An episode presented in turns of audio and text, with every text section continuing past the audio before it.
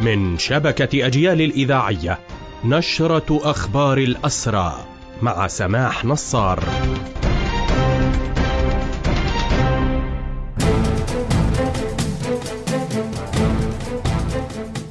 أهلا ومرحبا بكم إلى هذا اللقاء. دخل الأسير نضال إبراهيم عناية البالغ 53 عاما وهو من قلقيليه دخل عامه الثاني والعشرين في سجون الاحتلال. هو معتقل منذ عام 2002 تعرض لإصابة برصاص الاحتلال لدى اعتقاله ذلك الحين وواجه تحقيقا قاسيا وطويلا.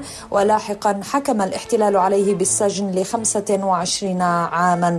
واجه جريمة الإهمال. الإهمال الطبي المتعمد وواجه العزل الانفرادي خلال سنوات اعتقاله.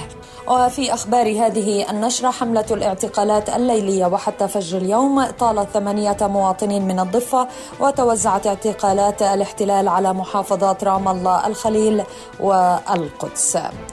من المقرر أن تحتفي عائلة الأسير عاصف الرفاعي في ذكرى ميلاده الذي يصادف الرابع والعشرين من أيلول وهو أيضا يوم ذكرى اعتقاله وذلك خلال الاعتصام الذي ينظم أمام الصليب الأحمر.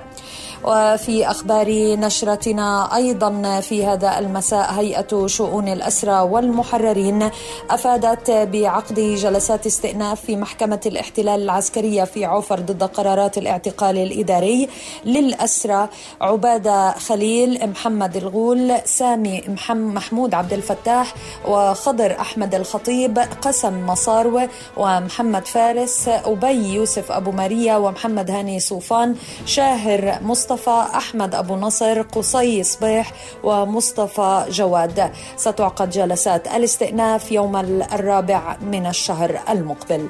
بهذا مستمعينا تنتهي هذه النشرة الخاصة بأخبار الحركة الأسيرة قدمناها لحضراتكم من راديو أجيال.